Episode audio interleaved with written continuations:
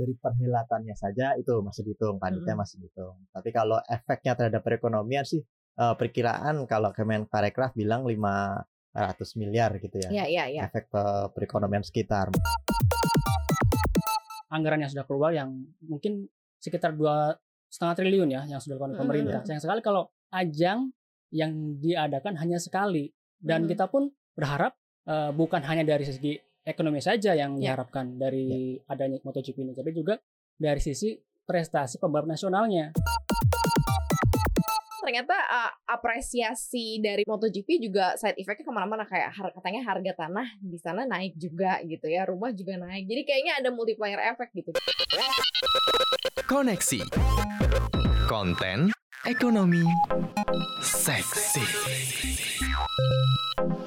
Sobat Cuan, selamat datang di podcast Cuap Cuap Cuan. Seperti biasa hari Rabu ada koneksi konten. Ekonomi Seksi. Seperti biasa ada Maria Katarina dan ada Head of Research CNBC Halo. Indonesia. Dari Arif Gunawan, Argun yang Hmm. paling populer terkenal sejagat raya dan juga ada Mas Omen, Mas Roman, produser CNBC Indonesia. Hai Mas. Halo. Hai hai, hari ini kita akan bahas tema yang seksi pastinya terkait MotoGP. Dengan berbagai macam kehebohan kemarin-kemarin yang terkenal Hmm. jadi pawang hujan ya. Iya, betul, betul. Seru banget sih sebenarnya. Viral sekali ya. itu. Viral banget. Tetapi akhirnya kita ujung-ujungnya harus bahas berapa sih gitu kan nominal soal duit nih Mas Argun ya. duit. Penyelenggaraan ini kemudian berapa kontribusinya untuk negara, seberapa cuan sebenarnya Indonesia gitu nih kalau dilihat dari eh, apa gelaran MotoGP ini. Kalau soal cuan kan memang belum ada data resminya. Mm-mm. Kemarin Pak Jokowi bilang ya kita sedang menghitung-hitung kalkulasi. Kan ya ada tuh dari hotel berapa gitu kan, dari ini berapa gitu Mas. Jadi kalau dari perhelatannya saja itu masih dihitung, panitia Mm-mm. masih dihitung. Tapi kalau efeknya terhadap perekonomian sih eh, perkiraan kalau Kemenparekraf bilang 500 miliar gitu ya. Iya iya iya. Efek pe- perekonomian sekitar mulai dari perhotelan, kemudian eh, transportasi, hospitality eh, dan segalanya lah ya. Hmm, hmm. eh, tourism terutama. Eh, cuman kalau eh, data resminya belum keluar ya kita susah memperkirakan. Hmm. Hanya saja Tapi kalau di penyelenggaraan-penyelenggaraan serupa kan bisa kita compare. Ya, kalau misalnya kita bandingkan dengan di negara lain, memang kayak di Cina itu, Cina dulu kan pernah ngadain eh, MotoGP dan apa namanya F1, dan mereka tuh katanya menghasilkan eh, tambahan nilai ekonomi 1,6 eh, juta dolar per Hmm, tahun di hmm, sana dan hmm. membuka satu jutaan lapangan pekerjaan. Eh, itu dengan asumsi bahwa perhelatannya tidak hanya sekali. Jadi jangan hanya sekali. Kalau cuma sekali ya selesai sudah. Tapi harusnya eh, ajang itu di apa ya di, di dibikin lebih ya. sering Iya. Meskipun ya masa nggak sekali nggak- kan cuma MotoGP aja ya. Iya, Betul, betul, betul. apalagi kalau yang kita bicara MotoGP ya stadionnya sirkuitnya kan udah dibangun serupa katanya ya, sekelas internasional ya. Internasional ya. Jadi ya harus ada pagelaran-pagelaran serupa ya. Betul betul. Sayang sekali dengan eh, sudah banyak anggaran yang sudah keluar yang mungkin sekitar dua setengah triliun ya yang sudah dilakukan Mm-mm. pemerintah. Sayang sekali kalau ajang yang diadakan hanya sekali dan Mm. kita pun berharap eh, bukan hanya dari segi ekonomi saja yang Ya. diharapkan dari adanya MotoGP ini, tapi juga dari sisi prestasi pembalap nasionalnya. Hmm, Sayang saja hmm, kalau hmm, misalnya eh, acara sebesar itu hanya dia, diadakan sekali kemudian selesai. Dari adanya perhelatan MotoGP ini kan salah satu harapannya bukan cuma ekonomi tapi juga prestasi pembalap nasional.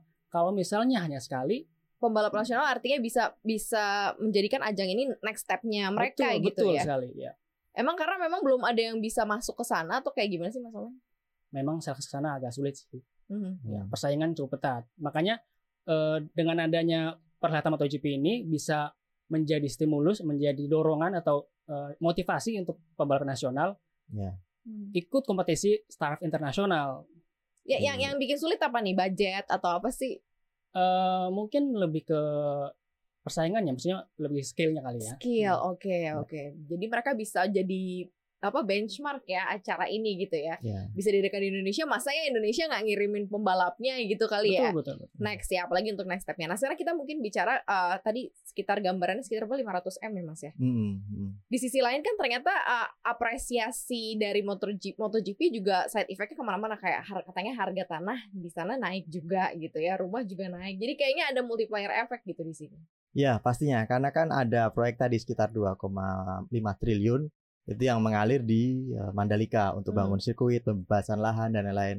Makanya otomatis ada eh, ketika ada proyek ya otomatis harga tanah akan naik kayak gitu. Dan itu memang terjadi di Mandalika. Kan juga ada warga yang direlokasi misalnya. Mm-mm. ya itu juga pasti ada pe- kompensasinya atau untuk pengembaliannya. Jadi diganti dengan harga yang lebih tinggi. Ya saya pikir itu wajar terjadi. Dan kalau orang bilang 3 triliun ini terlalu apa ya terlalu eh, berlebihan kalau hanya untuk hura-hura ya menurut saya enggak juga. Mm. karena kan kita bicara proyek ini ini proyek yang nggak langsung hilang karena angin. Betul. itu kan akan ada di situ terus dan bertahun-tahun berpuluh-puluh tahun akan ada di situ Iya. efeknya jangka panjang gitu. Jadi kalau 2 triliun apakah balik modal tahun ini? Pasti enggak gitu. Tapi kalau kita bicara lima tahun 10 tahun dan efek ke perekonomian secara umum pembukaan lapangan kerja itu saya yakin kok ada kayak gitu Ini terjadi juga nggak sih kan kemarin waktu itu kita sempat bikin Asian Games juga nih di Palembang ya, Ya. di Jakarta gitu.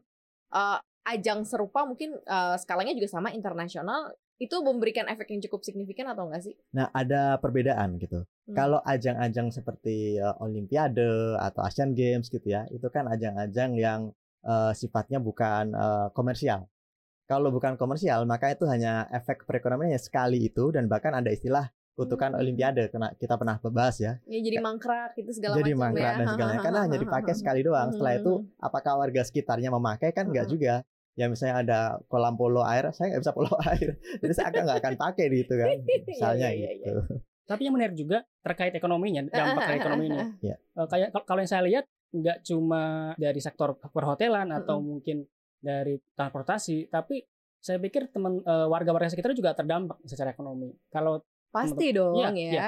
karena kalau kita lihat eh, di media sosial itu banyak gambar-gambar yang menyajikan warga-warga setempat yang tidak punya kesempatan untuk membeli tiket, tidak Mm, tiket, mm, mm. bisa menonton, tetap bisa menonton karena kalau kita lihat kan di sana tempatnya perbukitan. Oh dia agak tinggi Agak tinggi, jadi gitu ya. Warga-warga sekitar bisa menyaksikan nonton. dari Wow. kejauhan dari bukit, meskipun jauh kecil motornya, tapi sebenarnya mereka bisa menyaksikan, lang- menyaksikan langsung secara live dari tempat.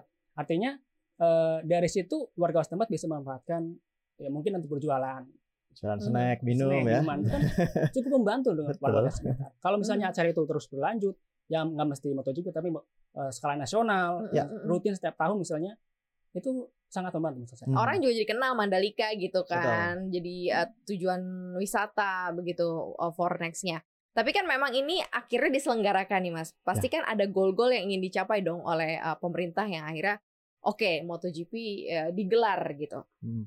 Dan MotoGP ini nggak gratis loh Iya nggak gratis. artinya bener. kalau kita mau jadi host kita tuh harus bayar nah kalau Iya. menurut catatan coba coba kami coba hitung hitungannya. eh, ya bayarnya itu sekitar eh, 50 juta eh, 5 juta euro atau sampai 10 juta euro. Ini ber- berbeda-beda. Kalau Valencia misalnya dia bayar 8 juta euro per tahun.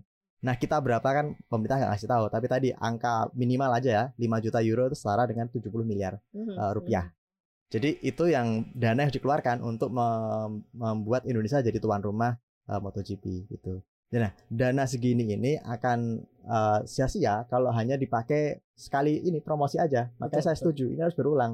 mhm. Artinya ketika ada ikon eh, perhelatan eh, pertandingan motor ini, ini kan yang tertua ya, tertua di dunia dan juga paling populer diselenggarakan di Indonesia, maka otomatis minat masyarakat terhadap olahraga ini pun akan meningkat. Dan ini harus disalurkan Hmm. secara komersial.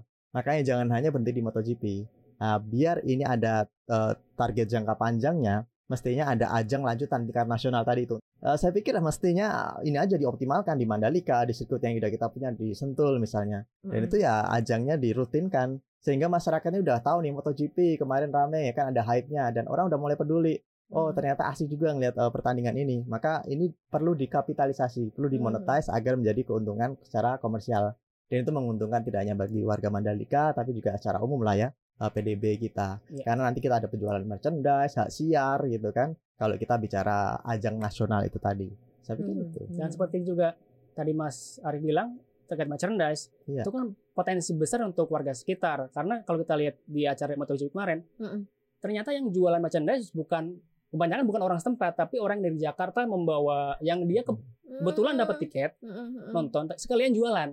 Itu jadi peluang ya. juga. Mhm. Iya. Harusnya warga sekitar yang harus dapat hak Iya, awal gitu ya untuk bisa berjualan. Tapi memang nilai ekonominya berarti sangat tinggi ya. Ya. Kalau dilihat dari antusiasme eh, negara peserta atau mungkin eh, negara-negara yang bawa jagoannya ke Indonesia atau ke MotoGP, kalau yang lu lihat kayak gimana mas?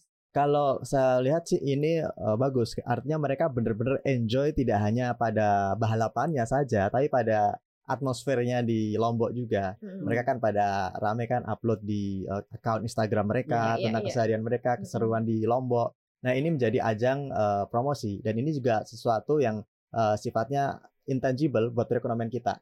Mhm, Orang yang tadinya tidak tahu soal Lombok ketika mereka lihat MotoGP, lihat eh, apa namanya pembalap-pembalap mereka pada tampil di sana dan juga membagikan apa sih Lombok itu, seseru apa sih Lombok itu, itu menjadi ajang kampanye gratis untuk pereko- perekonomian dan juga pariwisata kita gitu ya. Jadi ini saya pikir yang kita belum bisa menghitungnya berapa gitu karena ini intangible eh, apa namanya investment, Investment, di, di mhm. masa mendatang. Tapi saya pikir ini akan eh, kita lihat eh, efeknya dalam satu atau dua tahun ke depan. Kita lihat apakah kunjungan wisatawan mancanegara di Lombok meningkat Mhm. atau apakah ada pertumbuhan ekonomi yang meningkat secara signifikan di Lombok ya ini yang baru kemudian kita baca ternyata Mandalika punya efek ke perekonomian kita paling nggak satu atau dua tahun baru kita bisa mengukurnya gitu Mhm. Berarti eh, membuat ajang eh, internasional atau mungkin eh, membuat event-event seperti ini di beberapa tempat mungkin kalau sekarang kan berarti di Lombok atau mungkin nanti ada di daerah-daerah lain ini pasti bisa mengangkat perekonomian juga secara tidak langsung ya Mas ya. secara tidak langsung karena itu berarti meningkatkan tadi itu demand ya Mas ya jadi kalau Ya. kita bicara ap- orang itu punya minat tetapi minat itu tidak akan menjadi bisnis kalau tidak ada eh, ajang yang membuatnya eh, apa ya melekat di sini. Jadi kita saya misalnya saya tidak punya kebutuhan untuk belanja merchandise. Tapi kalau tiba-tiba saya tertarik pada sebuah apa ya sebuah hobi misalnya ya otomatis saya akan butuh atau pingin beli kalau merchandise itu ada gitu. Nah agar minat saya itu muncul dan bisa berubah menjadi aksi pembelian gitu menjadi bisnis ya ini harus diciptakan gitu. Hmm. demandnya harus diciptakan. Nah olahraga adalah eh, magnet yang salah satu magnetnya yang terbaik bagi masyarakat. Karena itu memberikan ajang rekreasi ajang buat mereka eh, berkumpul gitu ya. Kemudian menyaksikan sebuah perhelatan dan itu memicu eh, transaksi pada akhirnya. Itu yang saya pikir harus dioptimalkan. Jangan berhenti hanya di MotoGP saja gitu. Jadi di sini turis mudah-mudahan ya langsung milih bukan hanya Bali tapi bisa ke Lombok, Mandalika gitu ya. Jalan-jalan Ya. ke eh, sirkuit perlo- apa pertandingan MotoGP yang ada di Indonesia bisa juga kayak ya gitu ya. harapannya juga turis-turis itu tahu Lombok itu ada daerah mana saja maksudnya nggak cuma tahu Mandalika tapi juga Ada ada Mataram juga. ada Mataram Hmm. ada pantai daerah mana lagi yang banyak kan Hmm, hmm, hmm, nah hmm, harapannya hmm. kan juga Pantai Merica itu ya Iya Ya, iya iya ya. iya iya iya. Merica. Emang bener sih. Tapi kalau misal lo boleh nge-take note eh, ajang ini apa sih yang bisa lo catat gitu, Mas Omen? kalau yang saya tangkap menurut saya ya ada tiga hal yang perlu eh, kita eh, catat ya. Pertama tadi ya terkait ekonomi. Mhm, kedua prestasi olahraga nasional. Dan mhm. yang ketiga tentu yang menjadi catatan adalah eh, kebanggaan. Ini jadi Mhm. salah satu kebanggaan untuk warga Indonesia. Pernah menjadi tuan rumah MotoGP meskipun dulu juga pernah tahun 97 tapi Iya. eh, diadakan kembali di Indonesia itu jadi kebanggaan. Oh ternyata Indonesia masih bisa jadi tuan rumah MotoGP Mhm. Kalau penyelenggaraan event besar internasional tuh bagi negara yang eh, mengadakan gitu ya, ini Hmm. apa sih yang bisa didapat eh, dari sisi prestisiusnya? Indonesia nggak ikut, eh, istilahnya atletnya tidak ikut MotoGP, tetapi mereka menawarkan gitu ya tempatnya untuk bertanding di sana. Ini apa sih mas eh, dari sisi prestisnya? Mungkin kalau misalnya sebuah negara memang menyediakan tempat atau lokasi buat ajang internasional mungkin sekelas MotoGP. Jadi kalau MotoGP ini kan icon. Jadi icon balap motor tadi tertua dan paling populer. Jadi Mhm. ketika bicara soal uh, organizing ajang segede ini, itu otomatis akan ter uh, terkait dengan kemampuan sebuah negara dalam membangun sirkuit internasional. Dan bangun sirkuit internasional berarti butuh expertise, butuh pendanaan Yes. gitu. Dan memang ini dibagi ke tiap benua ya. Jadi kalau MotoGP itu kan dibagi empat benua. Asia ada, Eropa ada gitu, dibagi-bagilah ya. Nah, Asia itu akan dilihat siapa yang akan nongol. Kalau yang nongol cuma Jepang saja sama apa Malaysia saja, yaitu yang kemudian ada di benak investor, di benak uh, mungkin orang yang ingin jalan-jalan bahwa ini negara-negara yang dalam tanda kutip maju atau mampu Mm-mm, mm-mm. untuk membuat ajang sekelas uh, MotoGP itu yang internasional. Dan kalau kemudian nama Indonesia muncul di situ, saya pikir pesan itu yang dikirimkan. Memang biayanya mahal, kita ngeluarin duit 5 juta euro tadi itu. Tetapi saya pikir ini juga dampaknya bisa kita nikmati dalam jangka panjang, investasi jangka panjang gitu. Tapi ya eh, apakah ini bisa sustainable? Nah, itu perlu kita belajar dari Cina. Kalau Cina Hmm, itu dulu hmm. mereka Shanghai ngadain tiba-tiba dibatalin atau tidak dilanjut karena ternyata eh, kultur naik motor di Cina itu nggak nggak banyak negara-negara kota besar di sana itu tidak eh, melarang motor Mm-mm. motor gede untuk jalan di di jalanan raya ya. jalan Hmm. raya gitu hanya mobil yang boleh nah di Indonesia kan enggak dan Hmm. orang-orang itu kan suka bikin ada apa tuh balap liar gitu kan Iya. betul. artinya marketnya tuh ada di sini Iya, Jadi benar, itu benar, dimanfaatkan orang-orang yang anak-anak muda yang se- sering balap liar Iya, mungkin iya, bisa iya. ditarik jadi talent-talent muda karena di bisa juga sih. MotoGP juga kan ada ada Asian Talent Cup yang menjadi salah satu event pendamping dari MotoGP ini. Mm-mm. Mungkin bisa juga Iya. jadi calon-calon pembalap nasional. Pembalap nasional, eh, pembalap internasional. Iya. Mungkin kali ya up next-nya ah, seperti itu. Tapi tidak ada unsur kutukan berarti ya di sini ya Mas di Ya. ajang MotoGP ini ya. Eh, harusnya tidak ada kalau ini tadi dilanjutkan dengan ajang-ajang tingkat nasional kalau cuma sekali per tahun MotoGP saya khawatirnya efeknya kurang optimal Iya, gitu iya. Eh, kutukannya ya otomatis ada tapi dampaknya mungkin minimal gitu ya tetapi tetap ada kalau tidak ada itu eh, tindak lanjut jadi ajang-ajang nasional sudahlah Indonesia itu negara motor gitu kan Eh, apa, kita itu pasar motor terbesar Indonesia Iya, mestinya promotor ini ngelihat ini perlu digarap nih ajang GP ver, MotoGP versi lokal gitu. Eh, iya bener loh ya. Iya. Ih, Arif Gunawan staff sus ya.